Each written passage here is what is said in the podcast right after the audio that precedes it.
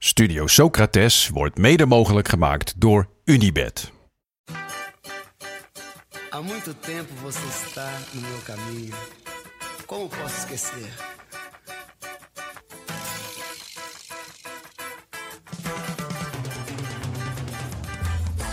Welkom bij Studio Socrates, een podcast over alles wat voetbal mooi maakt. Elke week kijken we een memorabele wedstrijd in zijn geheel terug. Want vaak hebben we wel een beeld van een team of van een speler, maar klopt dat wel? Was dat ene team nou werkelijk zo speciaal? Hoe speelden ze echt? En wat kunnen we ervan leren? We gaan op onderzoek uit. Met deze week Feyenoord Internationale, de halve finale van de UEFA Cup uit 2002. Seu modo de andar.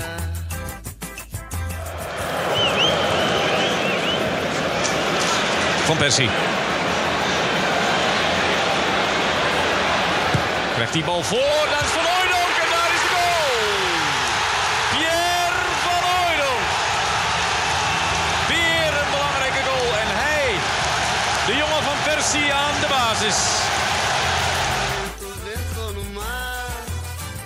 Het is moeilijk voor te stellen dat de grootste voetballer van zijn generatie ooit in de tang zat bij Patrick Pauwen en Kees van Wonderen.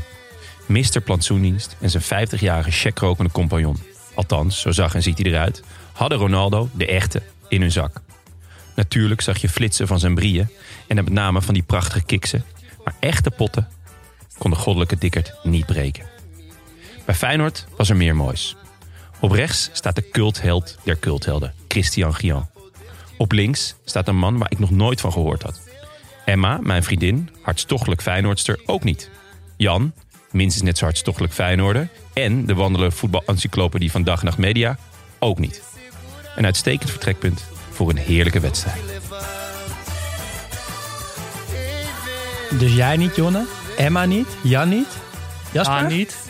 Nee? Ik ook niet. Nee. Nee, ja, ik ook niet. Nee, toch? Geen, geen, geen lichtje, geen lampje. Er ging, bleef helemaal donker. Ja. Aros hebben we het over, hè? Aros. Chileense linksback van Feyenoord, blijkbaar. Mauricio Aros. Heeft gewoon in de halve finale van de uiteindelijk gewonnen UEFA Cup gespeeld. En Dit niet dus- onverdienstelijk. En niet onverdienstelijk. Speelde een Maar dit prima is dus pot. alle reden waarom wij dit doen. De hele wedstrijd is zich heel terugkijken. Ja. Dit keer niet de finale, niet de, de wedstrijd die we misschien al een beetje weten. Eh, vorige week was dat natuurlijk wel zo met de, de Champions League finale 2005. Nu een, een iets minder, een iets onderbelichtere wedstrijd, maar daarom dus extra belangrijk dat we dit kijken. Ja, ja zeker. Ja. Eh, vooral Inter spreekt denk ik heel erg tot de verbeelding. Eh, Ronaldo, Ja, Seedorf. Materazzi, eh, Toldo. Ja, eh, echt grote namen. Conceição valt nog in. Emre Belözoğlu. Zo, de dwerg uit Turkije. Driftig baasje. Zo, die was driftig. Ja. Maar goed, dat is dus alle reden dat wij die oude wedstrijden terugkijken. Eh, daar gaan we het uitgebreid over hebben. Daar, aan het einde daarvan stellen we onszelf drie vragen. Dat is één, wie of wat viel het meest op? Twee, welk beeld moeten we bijstellen? En drie, als je één ding zou mogen meenemen naar het nu, wat zou dat dan zijn? Maar eerst, zoals elke week, wat maakte voetbal mooi dit weekend? Ja. Ehm, wij nemen dit op voor de derby van Milaan. Die Oh ja. is eh, dit weekend. Eh, maar naar aanleiding daarvan stuurde een luisteraar wel iets heel moois in eh, via Instagram naar ons. Die had namelijk onze special over Maldini geluisterd. Ehm, hebben we in de zomer gemaakt. Special over Maldini, Davids en Gourcuff. En hij stuurde een bericht van... eh, ja jongens, eh, een beetje toevallig. Maar eh, ik was bij die wedstrijd. Bij de laatste wedstrijd van Maldini. Daar was ik gewoon. Krijg je daar gewoon van dat, dat dat überhaupt kan, krijg ik al kippenvel bij. Ja, maar hij was daar dus bij.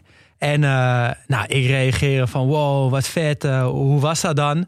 En zei hij, ja, nou, ik was er dus een beetje per toeval, maar het was wel echt mooi. En iedereen die het stadion binnenkwam, die kreeg een Maldini aandenken. Dus nou, ik, ik dacht nu al helemaal, wa- wat moet dat dan geweest zijn? Ik, misschien een haarbandje of zo. dat zat ik ook gelijk aan te ja, denken. wa- Wat zal het zijn? Ehm, dus ik, nou, ja, het gaat trouwens over Jesper Slierendrecht. Dat is de luisteraar die dit instuurde. Die reageerde een tijdje niet toen ik vroeg, eh, ja, wat was dat dan? Dus toen hoopte ik ergens stiekem al dat hij misschien op zolder in een of andere kist zat te zoeken naar dat ene wat hij kreeg toen hij San Siro inliep tijdens de afscheidswedstrijd van Maldini. Was ook zo. Bleek dus dat iedereen die die wedstrijd San Siro binnenkwam, eh, in het cellofaan plastic een boekje kreeg van Maldini. Oké, nou vet.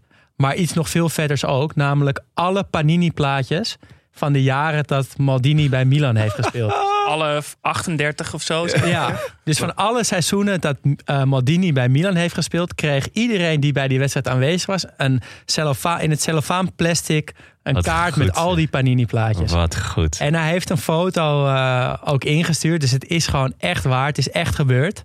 Ehm, Het ziet er heel vet uit. ja, en dit gaat toch wel, dit overstijgt alle voetbalwedstrijden van eh, de afgelopen week. Dit is wat voetbal mooi maakt. Ja, Ja, we En- kunnen dus nog niet zeggen wat deze week het voetbal mooi heeft gemaakt. Want we nemen het eh, ja, net, net voor het weekend op. Maar ook weer wel, want dit maakt voetbal mooi. Ja, ik, ik kan me voorstellen dat als hij dit nog, als, dit, als hij dit helemaal intact heeft, inclusief het boekje en het cellofaan, dat het ook echt veel waard is. Ja, dat zou echt zomaar kunnen, ja. Ik zou Toch? toch eh, Maar de- niet aan moeten denken om het te verkopen. Maar mocht Nee, hij nee, nou nee. ooit een keer, eh, mocht de bitcoin er nog verder zakken. eh, misschien, eh, ja. Ja, ja, serieus. Eh, maar goed, dat, eh, waarschijnlijk maakte de, de derby van de Della Madonnina voetbal dit weekend mooi. Ik hoop het. De ketelaar hè, bij eh, mijn man, bij AC Milan tegenwoordig. Ik gok gewoon op een 0-0 hoor. Dat is ook mooi. Ja, de ketelaar. Ja, wel vet. Die- Dat hij eh, vette transfer heeft hij gemaakt. Ja. ja, en ik zag een compilatiefilmpje van zijn eerste wedstrijd. En dat zag er echt goed uit. Dus nou ja, misschien... eh, ja, we lopen een beetje op de zaak vooruit. Maar de ketelaar heeft de derby gewoon beslist. We gaan naar de wedstrijd.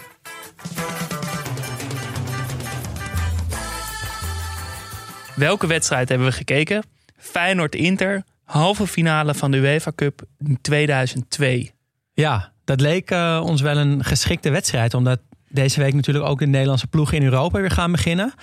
En Feyenoord is natuurlijk de laatste ploeg die echt, echt succes heeft gehad in Europa. Namelijk die won in 2002 de UEFA Cup.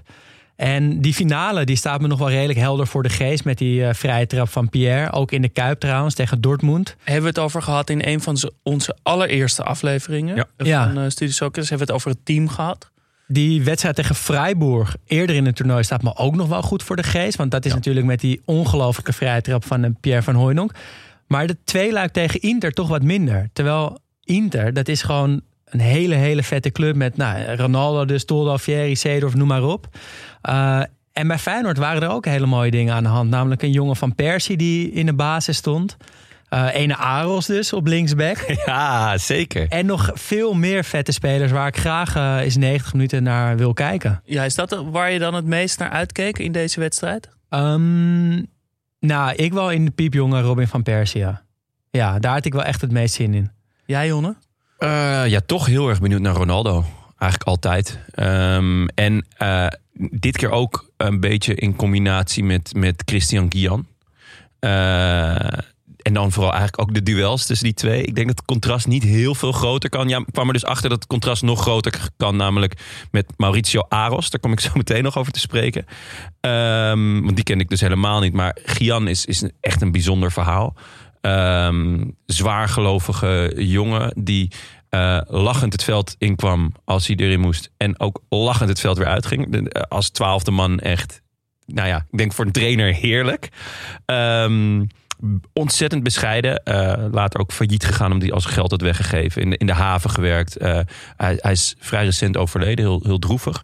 Ehm, die dan tegen, nou ja, de grootste ster van, van dat moment staat. Ja. En eh, ja, ik- een paar keer had hij, had ook gewoon wel echt... Ja, dat Gian gewoon de duels won en zo. Ja, ik, dat vind ik, vond ik echt, echt schitterend. Maar dat is zo raar aan dit soort eh, wedstrijden terugkijken. Is dat je...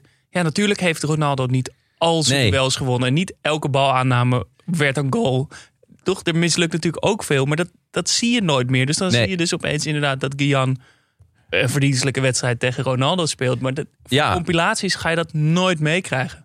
Nee, nee, het is het, het, het demythificeert ook Ja. een beetje. Ehm, en, eh, maar de mythe van Gian wordt ook wel weer wat groter. Want nou ja, iedereen weet ook nog dat hij, dat hij een kopduel wint van Koller in de finale. Ja. Dat staat iedereen bij, omdat Gian was 1 meter 2 ongeveer. en Koller was 2 meter 7.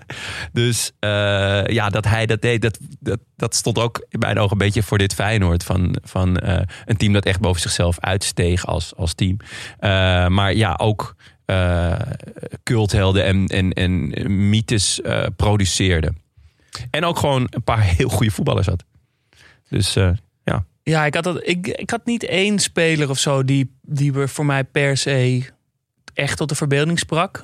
Ik heb meer inderdaad, omdat we die wedstrijd toen hebben besproken, heb ik al die samenvattingen zitten kijken en dan zie je inderdaad alleen die momenten. Dus ik was eigenlijk wel heel benieuwd hoe Feyenoord eigenlijk speelde. Ik had er totaal geen beeld bij. Nee. En wat ik nog wel heel mooi vond trouwens van, eh, van Persie. Dus het is een beetje wat we vorige week, of sorry, twee weken geleden bij El Clasico ook hadden, bij Real Barça. Daar zie je dus Messi op zijn achttiende. En we hebben natuurlijk Messi heel vaak daarna nog live zien spelen. En hetzelfde geldt voor Van Persie. Die hebben we ook daarna nog heel vaak live zien spelen. Maar we hebben hem eigenlijk zelden zien spelen toen hij net opkwam. Toen hij nog heel jong was. En dat vind ik ook altijd heel mooi eh, aan wat wij nu doen met dit seizoen. Dat je die sommige spelers ziet op momenten in hun carrière dat, ze, dat je ze bijna nooit eerder hebt zien spelen. Ja, nou, ik, ik denk dat ik hem wel veel heb zien spelen toen. Want eh, ja, uiteindelijk keek ik wel gewoon echt veel Nederlands voetbal. Alleen met de kennis van nu is het nog veel boeiender om te kijken naar, naar eh, zijn positie in het team. maar ook oh, ja, hoe die gegroeid is, wat voor voetballer die is geworden. En en, en nou ja, wat ik vorige keer ook al heel boeiend vond, de hiërarchie. Tussen eh, ja, de, de grootheid van een, van een bepaalde speler. Dus de hiërarchie in een team. Ja, dat eh, komt, zal vandaag ook wel weer te sprake komen. Ja, en ook omdat je die grilligheid van hem toen heel erg ook erbovenop lag, toch? Het was ook Ja. een soort Iataren-achtig. Welke kant gaat het op? Wordt Ja. wereldtop of wordt het helemaal niks? Eh, daar is het spannend volgens mij in die tijd heel erg om. En Ja. dan met de, met de kennis van nu is het inderdaad leuk om dat te zien. Ja, zeker. Wilde jij al over A- Aals? Nou, als ik mag, graag, ja. Ja, laten Want- we dat dan meteen... eh, Ja, ik ben daar dus even ingedoken, omdat... eh, nou ja, het, zoals gezegd, ik keek eh, heel veel toen. En zeker die wedstrijden van Feyenoord in de, in de, in de Europa League. Of UEFA Cup was het nog.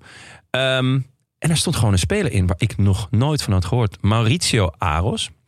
Nou, ik ben er dus even ingedoken. Maar die ve- vijver die was een stuk minder diep dan gehoopt. Ik ben echt blij dat ik niet, niet echt dook, want dan had ik mijn nek gebroken.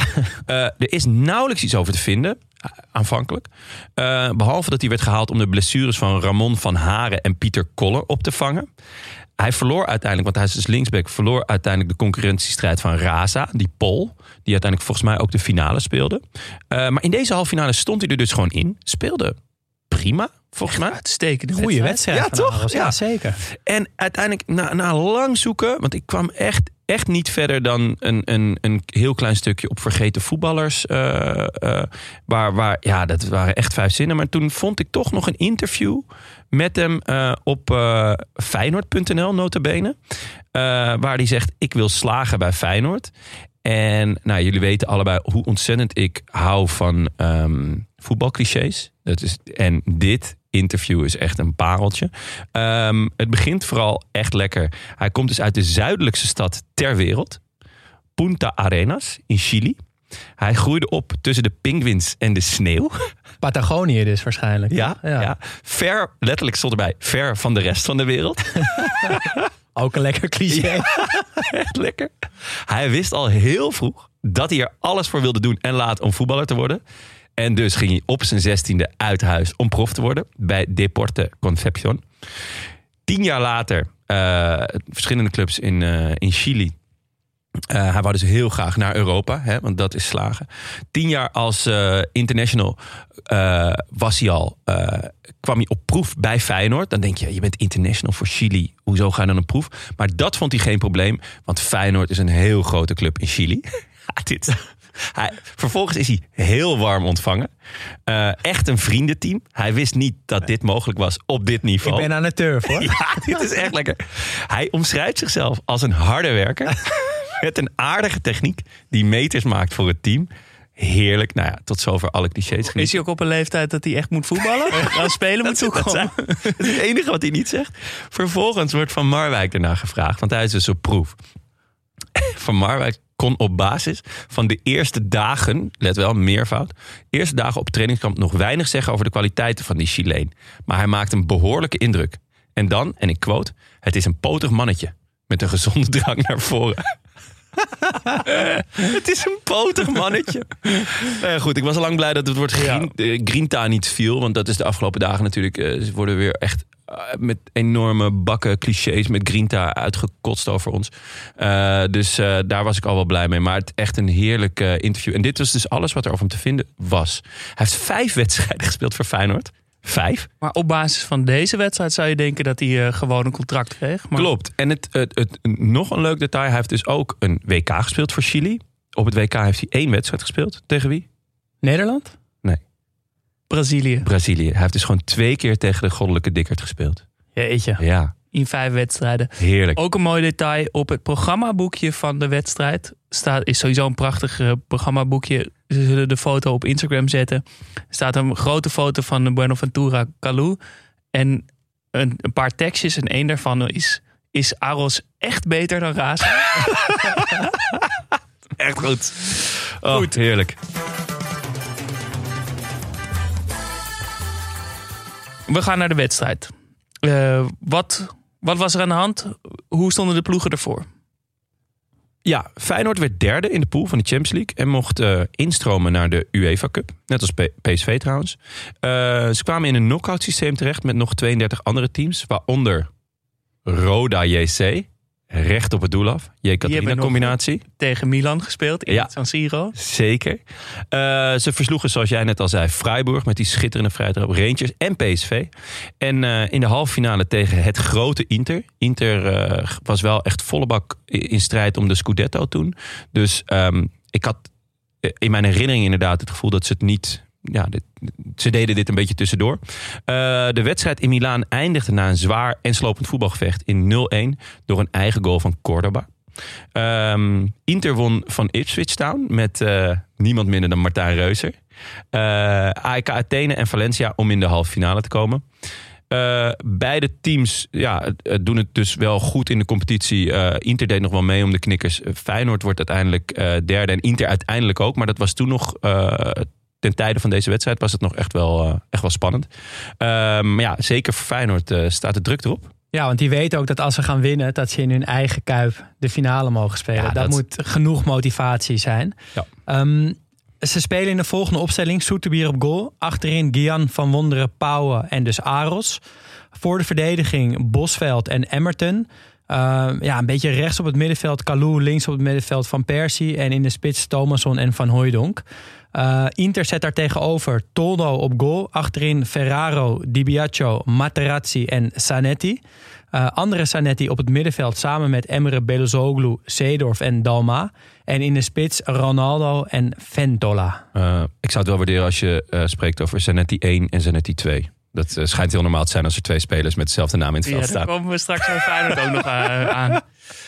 We hebben zitten kijken naar de wedstrijd op voetballia.net. En wat hebben we gezien? Nou, het is Rotterdam 2001, de halve finale dus. Een maand later wordt Pim Fortuyn vermoord. En wordt de finale in Rotterdam gespeeld. We zien een bomvolle kuip waar het publiek 90 minuten lang echt helemaal uit zijn dak gaat.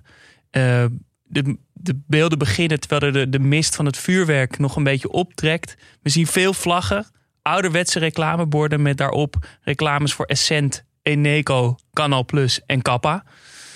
Visuals van NOS ook heerlijk retro. Het ziet er niet uit, oerlelijk, maar toch heel herkenbaar. Rode en groene balkjes met rare zwarte slierten erin.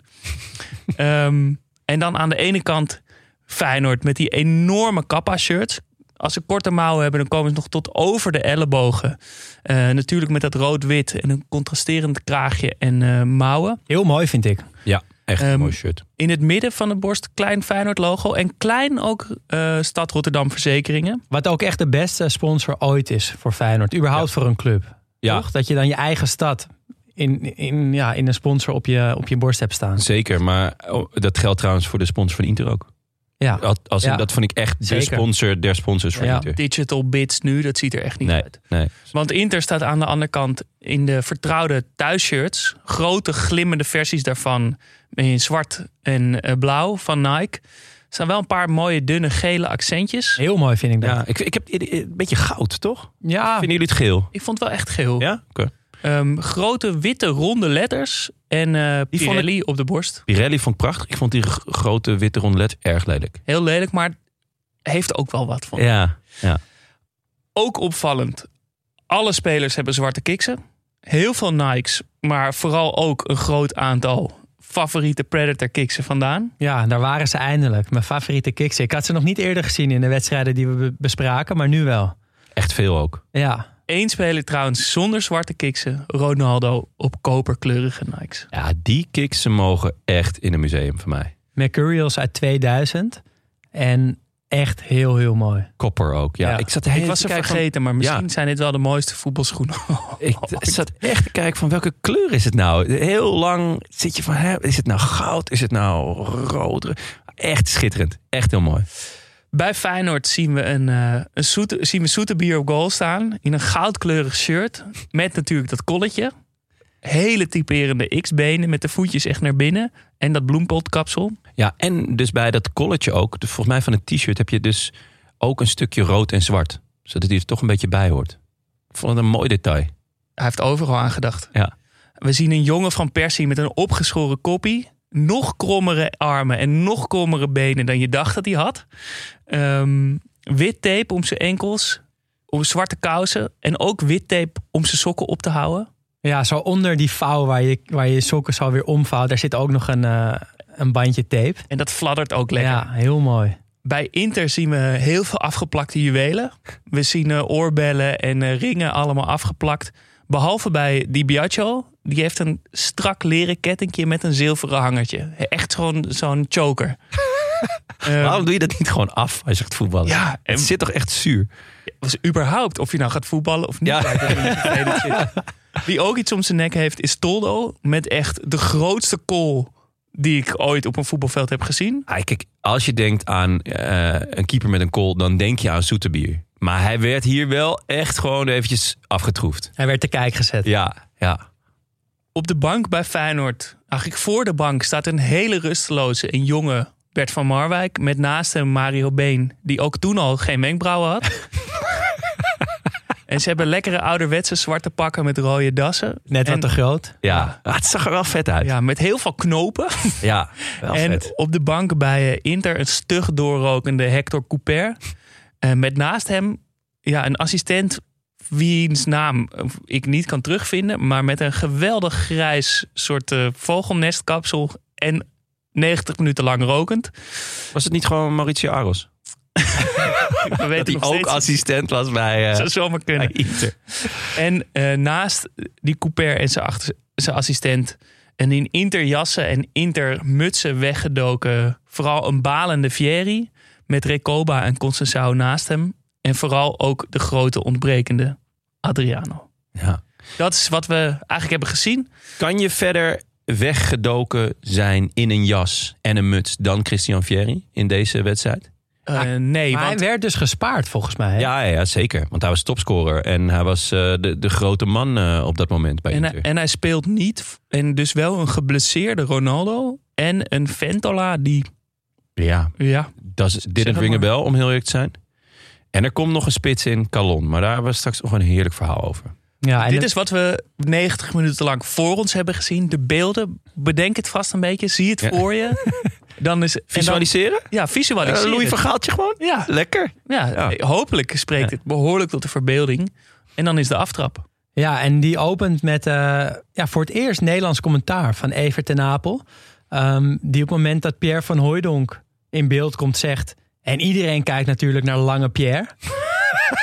Lange Pierre. Bijna Lange Pierre kende ik nog niet. Dat was Maar- toch Big Piet? Precies. Of Pierre. Ja. Ehm, maar het is wel eh, een logische uitspraak. Want Van Hooijdonk is tot dat moment in ieder geval nog de grote man bij Feyenoord in de Europese campagne. Ehm, en wat me heel erg tegenvalt is dat ik denk, waar is Shinji Ono? ja, dat denk ik eigenlijk dagelijks. Daar had ik heel veel zin in, maar die was geblesseerd. Dus dat, vind ik, dat vond ik heel jammer. Ja. Voetbalt hij nog? Ik neem aan van wel. Toch? Op het vierde niveau in Japan. Volgens mij is hij nog steeds prof, ja. Ja. Ja, met Iniesta gewoon. Eh, ik heb echt eh, een hekel aan Evert ten Apel. ik, ik snap wel dat het leuk is, maar ik, ik als zolang ik me kan herinneren, krijg ik echt een rillingen van die stem en van die woorden. Eh, dus toen ik hoorde dat hij het commentaar deed, toen, toen ben ik meteen gaan turven hoe vaak hij deksels eh, zei. Geen één keer. Dus dat, dat, dat scheelde. Hij zei wel. Demythificeert hoor, ja, podcast. maar hij zei wel deklat. ja, meerdere malen. Meerdere zelfs. malen, Ja. dus dat, dat, eh, dat dan weer wel. Ik- Ik vond het juist wel lekker om Evert te horen. Ook gewoon, het past echt bij die periode van mijn leven. Ik heb het idee dat Evert toen overal commentaar bij gaf wat ik deed. Stond ik in de Paradiso.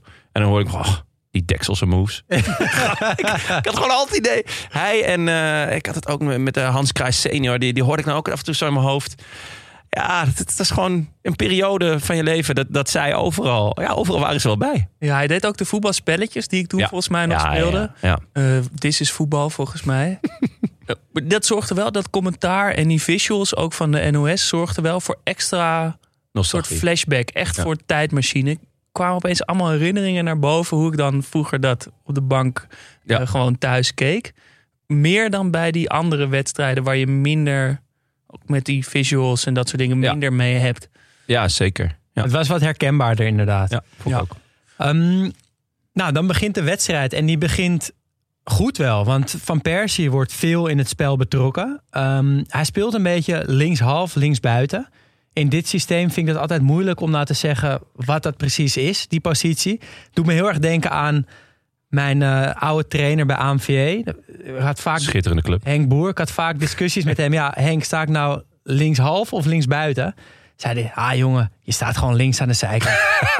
en dat, dat gevoel had ik vandaag met, eh met Persie ook. Die stond gewoon links aan de zijkant. Maar hij speelt met Brani, met Lef. Eh, en ik vond het ook mooi dat Evert ten Apel op een gegeven moment zegt... dat Feyenoord weer een echte pure linksbuiten heeft afgeleverd. En met de kennis van nu weten we dat hij daar zelden meer heeft gespeeld. Ja. Dat Ja, het bij Arsenal natuurlijk van rechts, van daarna rechts, in de spits daarna in de spits geworden inderdaad. Op tien nog wel. Ja, maar eigenlijk bijna nooit meer op linksbuiten. En volgens mij wilde hij dat zelf ook helemaal niet. Eh, dus dat is mooi om te zien hoe iemand dan aan het begin van zijn carrière... Ja, heel erg lijkt op een bepaald type speler... wat hij uiteindelijk eh, ja, soort van ontgroeit. Hij is Ja. beter geworden dan een grillige linksbuiten. En het deed me ook een beetje... Ik, ik vroeg me opeens af van... Is, is deze van Persie, dus die, die grillige linksbuiten... is dat de meest pure, echte versie van Robin van Persie geweest? Mm. Of heeft hij zich juist soort van ontwikkeld naar de speler die hij altijd al geweest is? Als je snapt wat ik bedoel. Ja, ik, Ja. Ik, ik denk dat dat eigenlijk voor veel jonge spelers geldt, is dat dat, dat even duurt. Ja. Dat het een paar jaar kost om echt ook voor jezelf uit te vinden wat voor voetballer je nou bent. Eh, dus ik denk eerder dat je dat zo rond je 23, 24ste misschien. Dat je Ja, dan sowieso. de meest pure eigen versie van jezelf bent. Ja, ik denk eh, op die leeftijd weet je nog weet je heel goed wat je kan, maar nog niet zo heel goed wat je niet kan. Dus eh, daardoor maak je slechtere keuzes eigenlijk. Ik weet ook, in het, toen ik net bij de senior kwam, was ik nog heel veel trucjes en aan het pingelen en zo. En op een gegeven moment kwam ik erachter dat dat, dat op zich, dat, dat vond ik heel erg leuk en dat kon ik ook wel. Maar daarna was ik zo traag dat ja, degene die ik dan had uitgespeeld, die stond gewoon 10 meter later weer voor me. Dus dat ik dat maar beter niet meer kon doen. Maar dat heeft je er nooit van weerhouden, toch? Nee, nee, nee. Nog... nee, dus hier ik, bij Van Persie zie je inderdaad nog heel erg echt een, een, een, een jonge speler die heel eigenwijs eh, eh, heel goed voor zich heeft van oké, dit wil ik doen. En dit vind ik leuk en belangrijk. En daar ben ik ook goed in. Maar nog niet zo heel goed wat hij, wat hij nog niet kan. Maar die motoriek vind ik misschien wel de mooiste motoriek van elke speler ter wereld. Met wat, bovenarmen langs zijn lichaam en dan die onderarmen daarbuiten. Hele kromme benen. Alles is een beetje gebogen eigenlijk bij hem. Ja, het, is, het is zo mooi hoe dat beweegt. Ik krijg, ja, Ja, het wordt frêle Dus kwam heel erg bij mij. wel, maar ook zo atletisch. Ja. Eh, En erg schitterend. ja, het, het, het fladdert. Maar dat Ja. kan ook aan het shirt liggen trouwens. Die- Zo groot. omdat het, ja, hè? zo groot. Ja, dat, dit, ik vroeg me echt af, spelen ze nou met korte mouwen of niet? Ja, je is- weet het niet. Nee, het is echt... Want het gaat, er zit ook between. niet een bandje of zo. Of dat het bij de, aan het eind een soort elastiekje zit. Het, het, het, Nee, het fladdert. maar volgens mij was dit ook de periode eh, dat eh, driekwartsbroeken enorm in de mode waren. Dus misschien Ja. is dit gewoon een drie, driekwarts mouw. Dat moet wel. Overigens, ehm, dat, dat Van Persie links buiten speelt en Kalou rechts buiten, is ook is, is ook een heel erg tijdsbeeld. Ja. Pas, eh, nou, ik denk een paar jaar daarna, niet heel lang daarna, dat eh, rechtsbenige spelers op links gingen spelen en andersom. Omdat eh, ja, toen mensen erachter kwamen dat de voorzet eigenlijk veel minder ehm, ja, eh, nuttig was dan, dan we altijd hadden gedacht. Dus hier zie je echt nog zo die klassieke linksbuiten en rechtsbuiten met Kalou. Actie Eh, buitenom, Actie buitenom. achterlijn halen en voorzetten. En daar valt uiteindelijk ook de eerste goal uit. Ja, want zo eh, precies dat gebeurt eigenlijk. Er- Er komt een lange bal van achter. Trouwens weer een wedstrijd met opvallend veel lange ballen. Ik denk dat dat toch wel een soort van rode draad is... die we tot nu toe in die vier afleveringen hebben ontwaard. Dat er echt meer lange ballen vroeger werden gespeeld dan nu. Ehm, volgens mij van de keeper zelfs, die eh, Van Hooijdonk doorkopt. Bal komt bij Van Persie terecht aan de linkerkant. En die zoekt de 1 op 1 tegen eh, Ferrara op.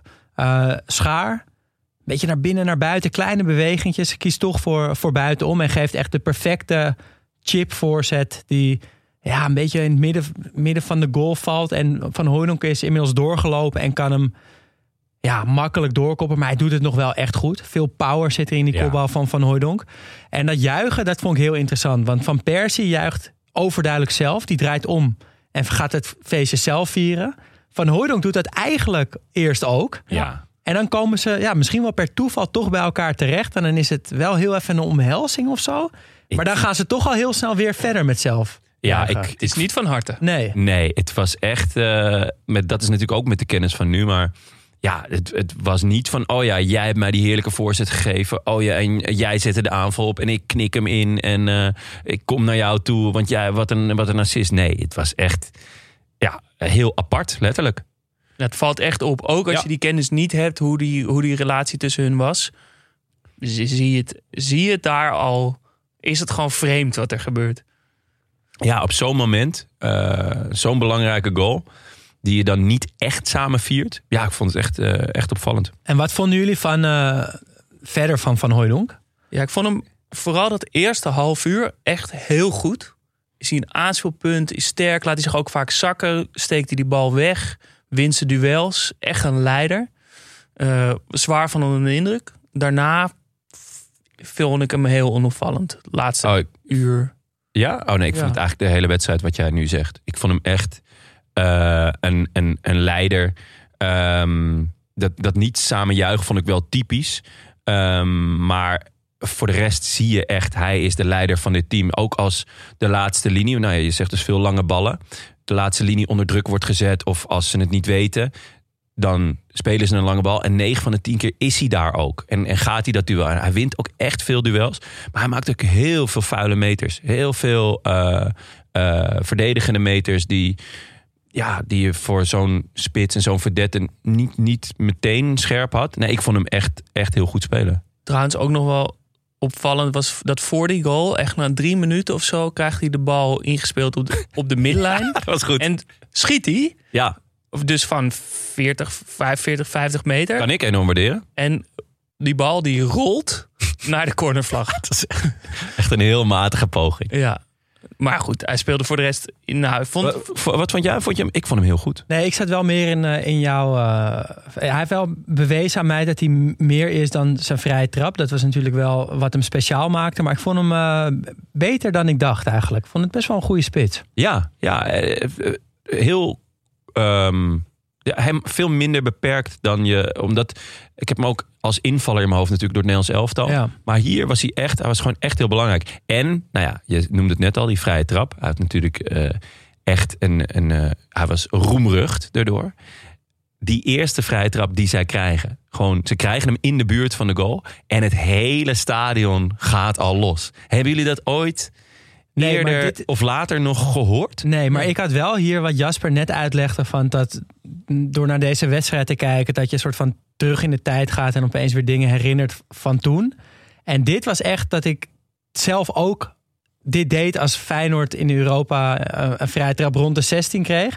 Dat ik gewoon dacht, lekker dan. Ja, lekker. Yeah, Ja. Kom maar. ja. Dat, dat, dat, dat zat er gewoon echt in. Ja. en hij was ook meteen echt goed. Ja. Laag in de rechterhoek was hij. Ja. volgens mij. Toldo zit er nog aan. Ja. Ehm, wat, ja, die, die duels met Materazzi en, eh, en Van Hooydonk... die gaan de hele wedstrijd door. Die beuken wat af met elkaar. Maar daarin vind ik hem dus ook zo bepalend als leider. hij laat daarin zien... Want laten we wel wezen, Materazzi is de engste verdediger ooit gemaakt. Ja, Eh, er gingen geruchten dat hij een mes had in zijn schemerschermer. ik geloof het. Ja, het is nooit bewezen, maar ik, ik sluit het ook niet uit. Ehm, en hij ging gewoon echt die duels aan. En af en toe ook even even een, een, een eh, opstootje of een half Ja. opstootje. Even laten zien van... jongens, we hoeven niet bang te zijn voor deze gasten. En ik denk eh, dat, dat heel veel... eh, als, als jouw aanvalsleider, als jouw jouw spits dat doet... jouw grote verdette... dat je dan ook als team denkt... oké, ja, hoeven ook niet bang te zijn. We gaan het gewoon flikken. En blijkbaar, en dat zegt Evert eh, ten Napel, is, is die heenwedstrijd is echt een ontzettend fysiek duel geweest. Is, is hij door Cordoba en door eh, Materazzi totaal de vernieling ingebeukt. Ja, En dat hij nu laat zien van oké, stilstanding. eh, ja, ik ben er nog. Ik zat me dan ook wel af te vragen, die, want ik heb echt genoten van Materazzi deze wedstrijd. We zien hem niet echt heel veel vuile dingen doen, maar het is toch fijn om te kijken.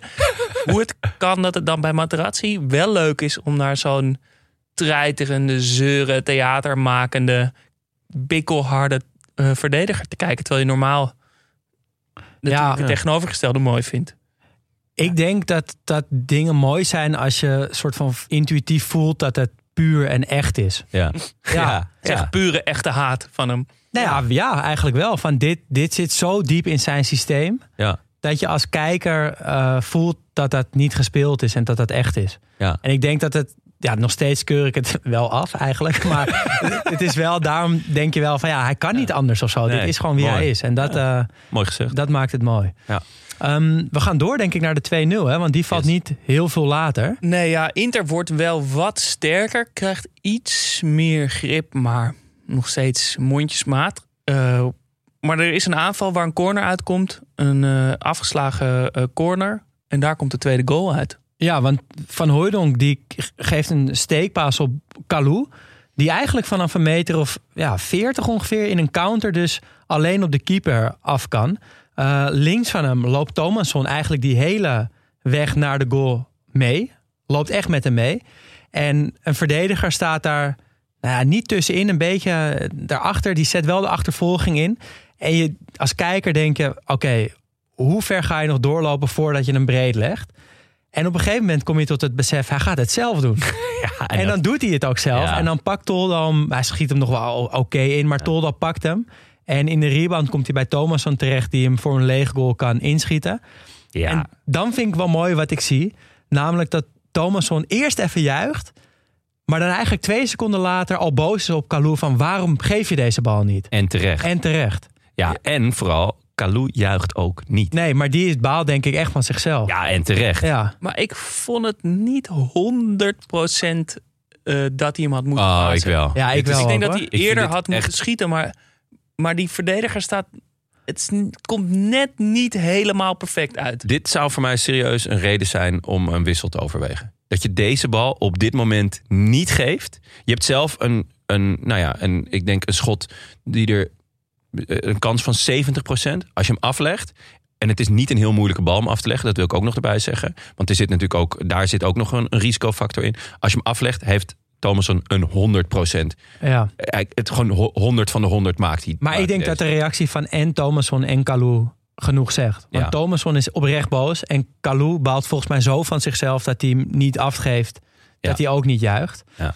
Ehm, maar Kalou heeft me eigenlijk in de rest van de wedstrijd wel echt heel positief verrast. Ik, voor mij is Kalou altijd Salomon geweest. Dus zijn kleine broertje die Ja, ja. een wat grotere carrière heeft gehad op papier. Ehm, heb ik ook vaker zien spelen. Dus Bonaventura, ook al is hij natuurlijk het oudere broertje, was voor mij altijd het kleine broertje van Kalou. Ehm, maar Bonaventura was hartstikke goed. Ja. Het is een lekkere dribbelkont, rustig aan de bal. eh, durfde vooruit te voetballen. Heel balvast. Zag er ook heel goed uit met dat veel te lange shirt en een iets te kort broekje. Eh, en die Nike Total, Total 90s met die eh, scheve veters. Ehm, viel mij heel erg op. Vond ik echt een mooie voetballer. Een hele mooie voetballer, maar is met deze wedstrijd niet zo opgevallen. Had ik ook niet. Spatte er niet bij mij vanaf. Nee, terwijl ik wel echt fan was altijd al van Kalou. En van zijn Eh, naam. Ja, Bonaventura. ja en, maar Salomon ook. Fantastisch. Salomon. Allebei heel Hebben die ouders gewoon heel goed gedaan. Ehm, Want wie, viel jullie dan op deze wedstrijd? ja, ik vond vooral Brett Emerton echt Ja, fantastisch. heel goed. Die was echt. eh, ik, ja, ik had hem in mijn hoofd gek genoeg opgeslagen als rechtsback, rechtshalf. Hij Volgens mij heeft hij dat ook veel gespeeld. Ja, hè? hij speelde nu linkshalf. Ja, Waarvan ik dacht, eh, oké, opvallend. Maar hij was overal. eh, hij zat overal tussen.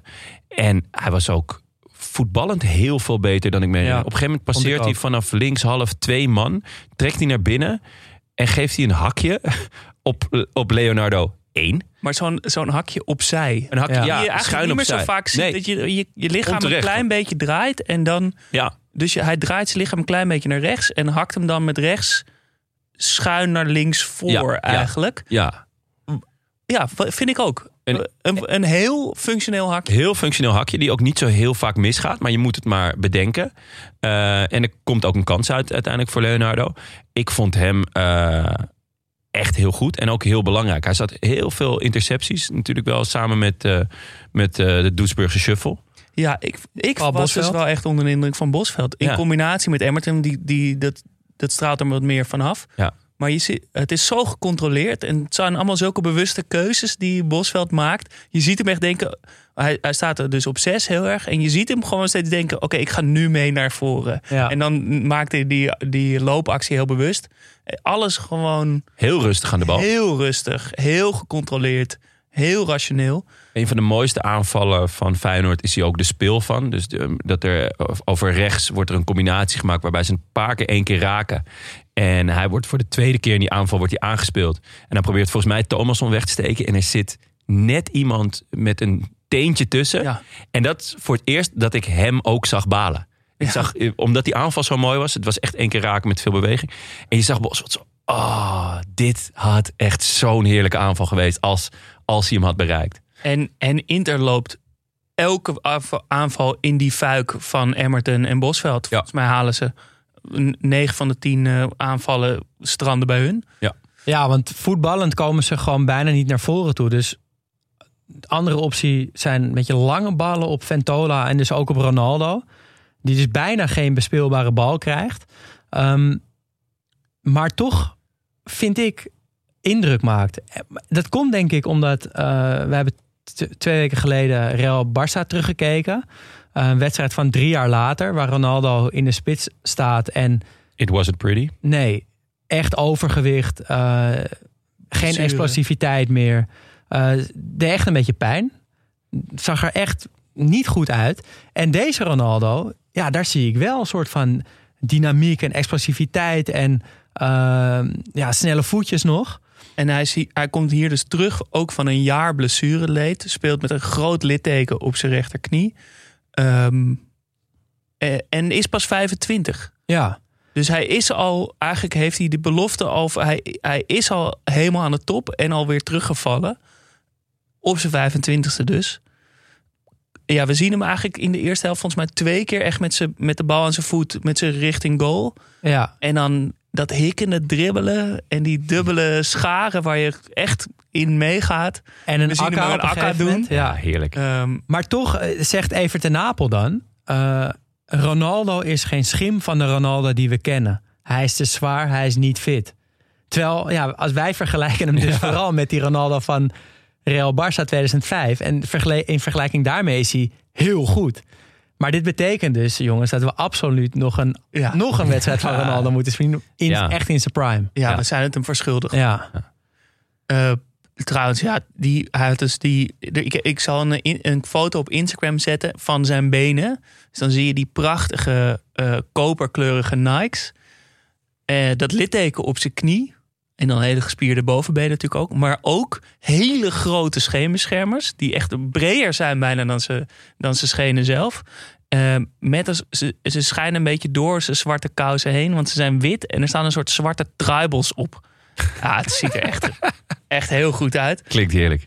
Ehm, en helemaal kaal, dat is ook goed bij hele hem, goede look. Ja. Ja. ja, qua looks eh, zag het, eh, was dit echt de, de beste Ronaldo. Denk ik. ja. Naast hem eh, staat Ventola in de spits. Ja, zeg Ook- het maar jongens. Zegt me ook helemaal niks. Echt een typische Italiaan. Een beetje handgebaren, nat haar, bandje. Zo voetbalt hij ook. Hopen Ja. op het ene balletje dat goed valt in de 16. Ja, Eh, en voor de rest had je er niet zo heel veel aan. nee, echt een 13 in de dozijn niet Ja. aan. Jammer dat we Bobo Vieri niet hebben gezien. Eh, dan is het rust. En begint niet heel veel later, de tweede helft. Ehm, en Inter speelt eigenlijk nog steeds vrij teruggetrokken. Ze komen niet per se anders of aanvallender uit de kleedkamer. Ehm, wel dwarrelen er twee ballen op de lat uit een beetje... Ja, Oh, oh, op de deklat. Oh, sorry, op de deklat. Je hebt helemaal gelijk. Uh, maar die lijken wat gevaarlijker dan ze daadwerkelijk zijn. En op een gegeven moment worden zelfs Ronaldo en Seedorf gewisseld. Voor Calon en Conceição. Um, en dat deed mij een beetje denken... Ja, Seedorf, die, weet je, de tragiek van Seedorf op een of andere manier. Want die is, was een beetje weggestopt aan de rechterkant. Wordt dan ook gewisseld. Terwijl je wel ziet... Hij is eigenlijk een van, de, een van de beste wel op dat veld. Maar het komt er maar niet uit. En volgens mij komt dat door die positie van hem. Ja. Ja, dat zegt Evert ook van dat hij tegen zijn wil in op rechts staat en eigenlijk op 10 wil spelen. Ik heb hardop, nou ja, geroepen toen, toen hij gewisseld werd. Want ik vond hem dus echt by far, zeker bij Inter, de beste. Uh, is de enige die een soort van structuur en rust op dat middenveld brengt. Doet verdedigend veel, maar ook aanvallend gevaarlijk. En dan staat er op 10 die irritante kleine Emre Belözoğlu die echt het bloed onder je nagels vandaan haalt, al een gele kaart heeft en er vervolgens ook nog eens alles aan doet om nog een kaart te krijgen. En dan haalt hij, haalt hij Emre, laat hij staan en haalt hij Seedorf eruit. Ja. Uh, ja, ik vond trouwens nog om heel veel over Emre. Op een gegeven moment is die mot aan het zoeken met Van Hooijdonk. Dat ziet er, dat ziet er gewoon rond het Kolderiek uit. Ja. Je ziet Van Hooijdonk echt zo naar beneden kijken. Van, wat zeg je? ja. Maar um, ja, Seedorf op rechts is echt nooit wat geweest. Ik ben echt groot fan van Seedorf. Um, maar ik vind zijn, zijn grootste kwaliteit is dat Seedorf het tempo van een wedstrijd bepaalt. Dus um, hij weet als geen ander wanneer er versneld moet worden of vertraagd. En vanaf de rechtshalfpositie is dat voor hem heel lastig. Omdat uh, hij veel minder betrokken wordt in het spel. Omdat hij geen diepgang heeft. Dus als er geen back is, is er geen rechtsback die er overheen dendert. En dat kwamen ze absoluut niet bij Nee, Inter. totaal nee. niet. Um, dan is er ten eerste een heel stuk uh, um, veld niet bezet. Eigenlijk gebruik ik gewoon een stuk van het veld niet. Want de spitsen gingen daar ook niet. Uh, het was ook niet dat zij daarin doken. Maar vooral, hij komt nooit als regisseur uh, aan bod van, van het middenveld. Hij krijgt alleen maar onbespeelbare ballen ja. eigenlijk van een back recht naar voren, naar Seedorf, die dan met zijn kont moet wegdraaien ja. voordat hij een keer en eigenlijk wat moois waar, kan waar de rest van het spel zich begeeft is uh, in het midden. Als hij daar naartoe gaat, dan komt hij automatisch op zijn linkerbeen, wat op zich niet een slecht been is, maar het is ook niet dat hij daarmee uh, de, de, ja, de volgende stap kan maken. Dus ja, hij, daar, daarmee wordt hij gewoon volledig, uh, nou ja, totaal uit zijn kracht gehaald. In mijn ogen. Alsnog heb ik echt van hem genoten. Ja. Ik vond het, uh, ik vond het er wel van afdruipen hoe goed hij was. Heeft ook mooi die lange dreads en dan kaal aan de zijkant. Ja. Uh, echt, ja, het was, ja, goede look. Zo sterk, stevig. En mooi commentaar van uh, Even Napel dat hij wordt uitge uitgefloten. Hij wordt echt bij Eén stuk ja, door. elk balcontact van Ceder wordt begeleid door echt een gigantisch uh, fluitconcert. En Evert ten Napel zegt daar inderdaad over Ja. dat hij dat niet aardig vindt. Ja, eh, de wat- Nederlandse voetbalsupporter. Hij zegt, oh, dit vind ik onaardig van het Feyenoord publiek. Ja. Om Zeedorf uit te fluiten. Ja. Onaardig. Ja. Ja. dat vond ik echt... Waren we dan Ehm, naïef vroeger of zo? Nee, ik denk dan- dat het, dat het Of is dat gewoon... minder hard was. Eh, want ik vind ook het, het Feyenoord publiek... eh, er zijn heel niet of nauw spreekkoren. Af en toe, eh, wie niet springt, die, die is een Jood. Dat zat er dan al wel in. Maar bijvoorbeeld, er wordt heel veel gewoon hand in hand gezongen. En finale, wow. Of we gaan naar Rotterdam. Die vond ik ook wel erg lekker. is wel heel goed. En jongens, de wave. De wave gaat gewoon door het stadion. Dat, ja. Ja, ik had die eigenlijk niet gemist. Nee. Ik, ik weet ook niet of ik hem heb gemist, maar het, het geeft gewoon aan. Er, er was wel. eh, het, eh, ja, het was wat. ehm, nou ja, misschien, misschien wel wat liever nog. Wat gemoedelijker. Wat- ja, zo, ja, zoiets. Het eh, blijft eh, eigenlijk een beetje hetzelfde spelbeeld gedurende de tweede helft. ja, interstatisch, ongeïnspireerd. Feyenoord houdt makkelijk de deur dicht. Totdat ja, een beetje de slotfase aan, eh, zich aandient. Alhoewel die, ja, die twee goals komen alsnog een beetje uit de lucht vallen. Vond Ja. ik wel, ja. Ja, maar daarvoor nog even één momentje wat we moeten uitlichten. Ja. Namelijk dat eh Emerton, dus een van de beste spelers op het veld... ehm, die moet geen geel krijgen. Want als hij dat Ja. wel krijgt, dan mist hij de finale. Ja. En hij speelt een hele goede wedstrijd. Eh, Niet bij opstootjes betrokken, niks aan de hand. Maar op een gegeven moment gaat hij een corner nemen vanaf de rechterkant. En hij doet een heel klein beetje traag, maar helemaal niet erg eigenlijk. Die, En eh, hij legt de bal netjes neer in het vakje ook Ja. nog. ja. En dan gaat de grensrechter begint met zijn vlag te zwaaien. En die je ziet die scheidsrechter komt aanlopen. En die trekt gewoon zonder pardon een gele kaart. Ja. En Emmerton mist de finale. ja, want, want hij legt die bal neer. Die grens die gaat ervoor staan en zegt... Hey, die bal ligt niet goed. Terwijl die inderdaad volgens mij prima ligt. En dan moet hij hem dus opnieuw gaan neerleggen. En daar krijgt hij geel voor. ja. Echt. Protesteert nauwelijks. Nee, Nee, hij, ik, je- hij, ondergaat het gewoon. hij ondergaat, misschien beseft hij het nog niet. Dat, dat zou natuurlijk kunnen. Maar ik denk toch dat je dat wel weet. Ja.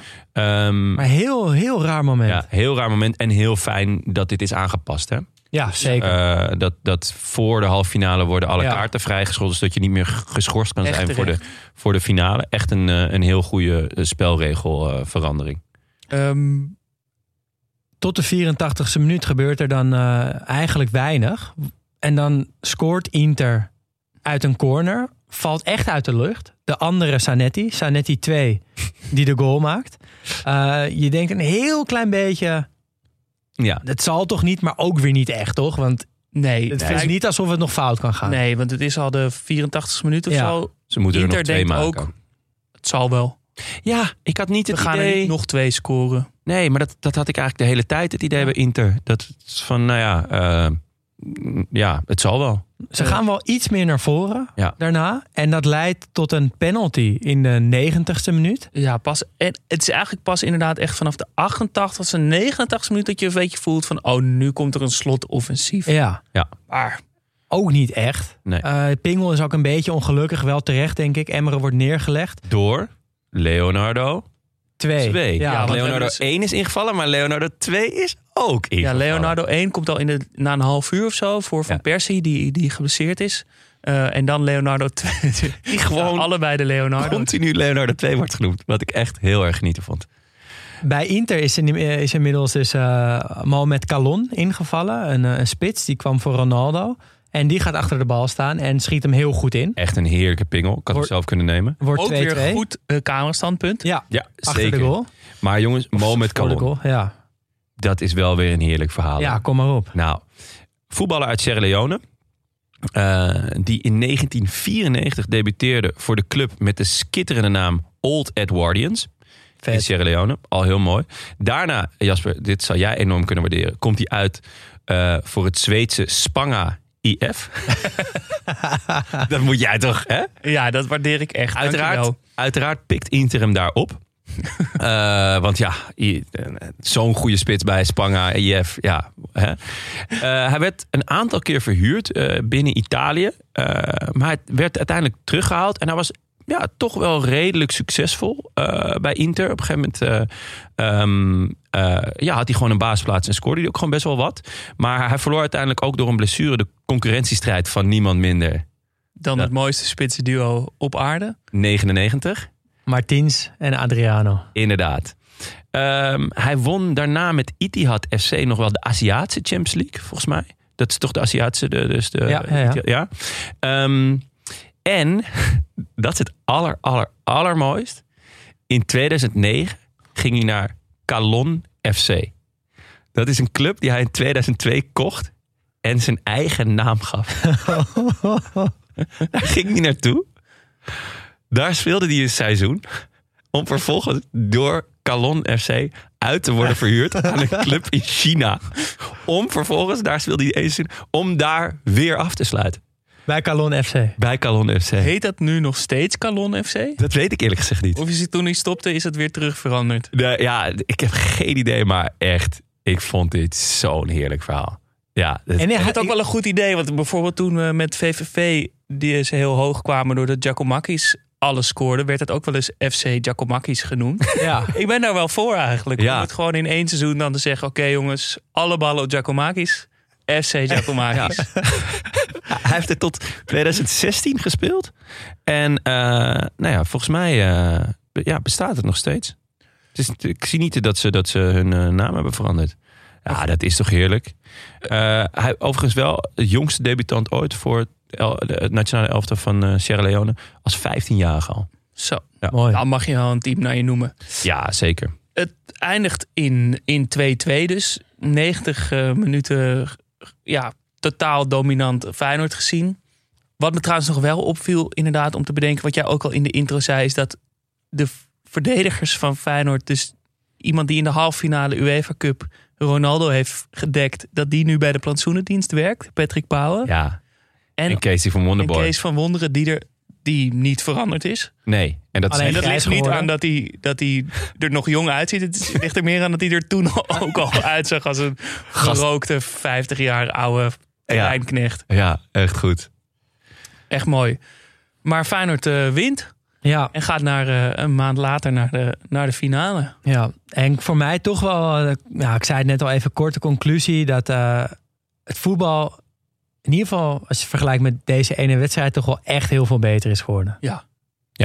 Het is echt eh, schoppen. Heel vies, gewoon veel En goed fysieke inderdaad dat de. VAR er is. Want als, als de VAR bij deze wedstrijd aanwezig was geweest... dan hadden er minstens drie à vier rode kaarten waren er gevallen. Absoluut. Emmeren die staat gewoon na te trappen terwijl Ja. Kalou op de grond ligt. Sanetti ook een keer heel vies. Eh, ja, met, gestrekt been op het dijbeen van Kalou van, Ja. eh, van die eh, ja, Materazzi en Van Hooijdonk natuurlijk. ja, en, heel veel ellebogen. Ja, en die, die gast die Thomasson op zijn achterhoofd stompt Ja. bij een kopduel. Ja.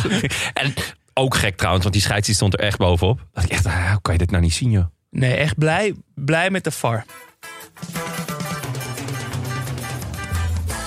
De drie vragen. 1. Wie of wat viel het meest op? Ja, voor mij voor het eerst iets negatiefs. Ehm, hoe slecht het voetbal van Inter was. Ik vond het echt niet om aan te gluren. Ik denk toch Zeedorf. Ik ga voor Bert Emmerton. 2. Welk beeld moeten we bijstellen? Eh, dat Salomon Kalou beter was dan Bonaventura Kalou. Ik denk toch, ik wist het wel een beetje, maar dat Feyenoord meer, niet alles te danken heeft aan de vrije trappen van Pierre. Het was meer dan de vrijtrap van Ze Pierre. speelde echt goed. Ja. Eh, ja, dat het niet uitmaakt hoe groot je goal is, maar wat je ermee doet. Drie, als je één ding mee zou mogen nemen naar nu, wat zou het zijn? ja, ze zijn pas net uit het voetbal verdwenen. Eh, maar de O-benen van Van Persie. Heerlijk. Want ik weet, ik weet ook niet hoe, waardoor dat nou komt. Maar als je O-benen hebt, dan ziet alles er toch meteen stijl, eh, heel stijlvol uit. In ieder geval op het voetbalveld. Echte voetbalbenen. Ja, echte voetbalbenen, ja. Ja. Ik zou zeggen Kappa. Waar Ja. is dat gebleven? Nou, die maken de shirts van eh Venetia FC. En zodra die weer te bestellen zijn, dan koop ik ze allemaal. en ook die van vorig seizoen. Want die shirts zijn echt heerlijk. Eh, en ja, eh, wat ik nog mee zou willen mee- meenemen naar het nu, eh, de kicks van Ronaldo. En toch, het spijt me aan. The Wave. dat is zo onschuldig. en Lief. Hij begon ook zo heel... Mag ik dan wel stiekem blijven zitten? Ja, als jij die ene zure gast wil zijn, natuurlijk. Ja, Ja, dat Mag. kan niet. Je kan niet tijdens de wave blijven zitten. Je voelt hem aankomen, je ziet hem Je gaan, ziet hem aankomen zelfs. en het, mooie was, het mooie was dat hij al best wel een tijdje rondging. Maar Ging dit- een paar keer. ja, ging een paar keer, maar in het begin deed niet echt veel mensen mee. Gewoon best wel veel, veel Daans Ja. zaten er nog. Maar toen waren het toch een paar enthousiaste jongens. Die dachten, nou, eh, we houden gewoon vol. En de, de aanhouder won. Heb op je, een gegeven moment deed iedereen mee. Heb je wel eens een wave, ben je dat wel eens begonnen? Want dat kan niet. je kan een wave niet besluiten te, te doen. Ik, ja, heb ik wel eens gedaan, ja. Ja, gewoon proberen. Gewoon opgaan Kijken waar en het schip zeggen... Hey. Ja, jongens, we gaan nu de wave doen. Ja, is dat het vet. jongens, zullen we anders de wave doen? Hey. De wave. Ehm, tot slot nog onze vaste eh, columnist, Paling. Ha mannen, Paling hier. Vanavond starten de Glasgow Rangers aan hun Champions League campagne. Jullie hadden uiteraard liever PSV gezien en wij hadden uiteraard liever Union gezien. Maar als het dan niet Union had geweest, dan hadden we liever Monaco gekozen. Liever Monaco dan PSV of Rangers, omdat we bij Monaco een Belgische trainer hebben, namelijk Philippe Clément. En de Fille die had best wel wat adelbrieven voor hij naar Monaco trok. Drie keer achtereen landskampioen in België, eenmaal met Genk en tweemaal met Brugge. En we volgen hem op de voet, want hij is nog maar de zesde Belgische trainer in een van de vijf grote Europese competities. Frankrijk, Duitsland, Italië, Spa- Spanje en Engeland. Quizvraagje. Kennen jullie een van de andere vijf? Je krijgt anderhalf minuut bedenktijd. Het is wel een groot verschil tussen België en Nederland. Ons voetbal is wat vergelijkbaar. Jullie hebben iets beter palmares, zowel met clubs als nationale elftal, maar we zijn niet allebei de Europese top en we kreunen ook onder het grote geld dat naar de grote vijf gaat. Maar het verschil op vlak van coaches is dus wel astronomisch. Er zijn heel veel Nederlandse trainers actief in de grote competities. Het verbaast mij enorm zelfs. Eh, soms bij echte topclubs en met succes. Het is frappant dat een instituut als Man United zijn lot in handen legt van Den Haag. Beetje surfen leert me dat hij al de negende Nederlandse trainer is in de Premier League. Ook in La Liga had hij er negen, waarvan misschien de helft bij topclub Barça. In Duitsland zelfs een stuk of 16 met Huub Stevens of All People, die door de supporters van Schalke 04 verkozen werd tot coach van de eeuw. En het verschil is ook met de internationals. Gewezen Nederlandse internationals, in tegenstelling tot Belgische, krijgen zonder veel ervaring direct een plek bij een Europese topclub als trainer. Denk Gullit bij Chelsea, Seedorf bij AC Milan. En dan had je ook nog eens Nederlandse coaches waarvan ik me afvraag hoe komen die in godsnaam in die club terecht. Zoals bijvoorbeeld Martin Jol bij Tottenham. Maar bon, de file in Monaco. We hopen dat hij het tij kan keren voor Belgische trainers en we kijken ook stiekem naar de prestaties van Vincent, Trust the Process Company, die in Anderlecht wel een beetje mislukt was, maar die het nu mag proberen om Burnley terug naar de Premier League te loodsen. En dan nu het antwoord op de quizvraag. De vijf voorgangers van Clément waren George Heiles en Ariel Jacobs in de Ligue 1. Iets bekender Erik Gerrits in Duitsland en Frankrijk. Al helemaal bekend Mark Wilmots, die op een blauwe maandag acht keer trainer was voor Schalke 04. En de allergrootste was Goethals, de Tuvenair, die de Champions League gewonnen heeft met Marseille. Wauw. Ja, wisten jullie er één? Eh, nee. Ik had gelijk Erik Gerrits. Die stond in het rijtje. Die, eh, die, wist, die kwam gelijk bij me op. Maar Wilmots, daar dacht ik wel aan trouwens. ja, Wilmots ook wel. Maar dat, ik Ik wist, had niet geweten waar. Ja, ik dacht wel iets van acht wedstrijden of zo eh, in Duitsland. maar ik wist niet welke club. nee. Maar wat een gigantisch verschil, zeg. Ja, Ja, Bijzonder. is, Paling heeft ja. zo'n goed oog hiervoor. Ja, klopt. Maar ik denk ook, ik hoop in ieder geval, verwacht ergens dat het met deze gouden generatie, die gaat nu allemaal Ja, natuurlijk het zitten wel trainersvak in. eh, wat jongens in die dat misschien wel willen, toch? Ja, en, ja, en die ook gewoon bij grote clubs hebben gespeeld op, op, een, op een echt een hoog niveau. En dan kom je toch makkelijker binnen. Emiel Mepenza Mijn bomen, pensen. als, als assistent. Dankjewel mannen. Eh, volgende week eh, kijken we weer natuurlijk weer een wedstrijd. En nu gaan we... We hebben een beetje wedstrijden begin 2000 eh, gehad. We gaan nu even wat verder. de, de teletijdmachine nemen we iets verder terug. We gaan naar de WK-wedstrijd Italië-Brazilië van 5 juli 1982. En waarom die wedstrijd? Socrates. We willen onze, de naamgever van deze podcast een keer 90 minuten met eigen ogen zien voetballen. Heel benieuwd wat het contrast gaat zijn. We- 20 jaar geleden was het, is dus al best wel veel veranderd, maar 40 jaar geleden. Ja, ik vrees dat we hem op anderhalve keer de snelheid af moeten spelen als, het, eh, als we willen dat het ik heb stiekem eh, 30 seconden al gekeken. En? Ah, het zag er goed uit. Lekker ontspannen gewoon. Het zag er heerlijk uit. Kwaliteit was best wel goed. Ja? Ja, Kleur? viel me echt mee. Ja, nee, het was, eh, Socrates lijkt op een soort van giraf met die hele lange dunne benen. Eh, en de rest hoor je volgende week. Even ten Apen ook weer? Of, eh, Ja, Nee, ja. Italiaans commentaar. Ah, Kijk die wedstrijd dus ook ehm, op voetballia.net. De wedstrijd Italië-Brazilië van 5 juli 1982. Rest ons te zeggen, geef ons vijf sterretjes op Spotify, Podimo, Apple of waar je ook luistert. Sterretjes. Ja, jij hebt dat opgeschreven. Ik, Ik heb dat echt niet opgeschreven ik hoor. ben een soort Ron Burgundy. Ik lees precies op wat er in het I'm Ron staat. Burgundy. Rest ons te zeggen, geef ons vijf sterren op Spotify, Podimo, Apple of waar je ook luistert. Dat helpt ons enorm. En word vriend van de show. Kan al vanaf 2,50 euro per maand. En Help ons aan die schitterende call van eh, Toldo. Studio Socrates wordt mede mogelijk gemaakt door Dag en Nacht Media. Wil je meepraten? Dat kan. Laat een bericht achter op vriendvandeshow.nl slash Studio Socrates of via Instagram studio-socrates. Mailen kan trouwens ook. Ons e-mailadres is studiosocratespodcast.gmail.com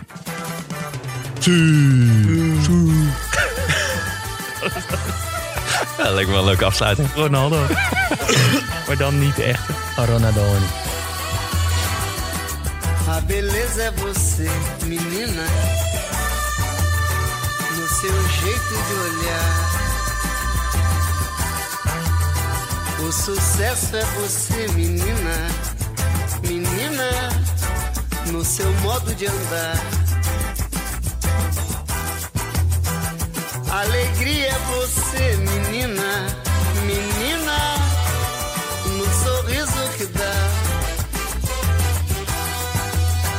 Vendaval por amor, menina, menina, todos querem te amar. Ei, vento, vento, vento no mar, te segura no balanço pro vento não te levar. Ei, vento, vento, vento no mar, te segura no balanço pro vento não te levar.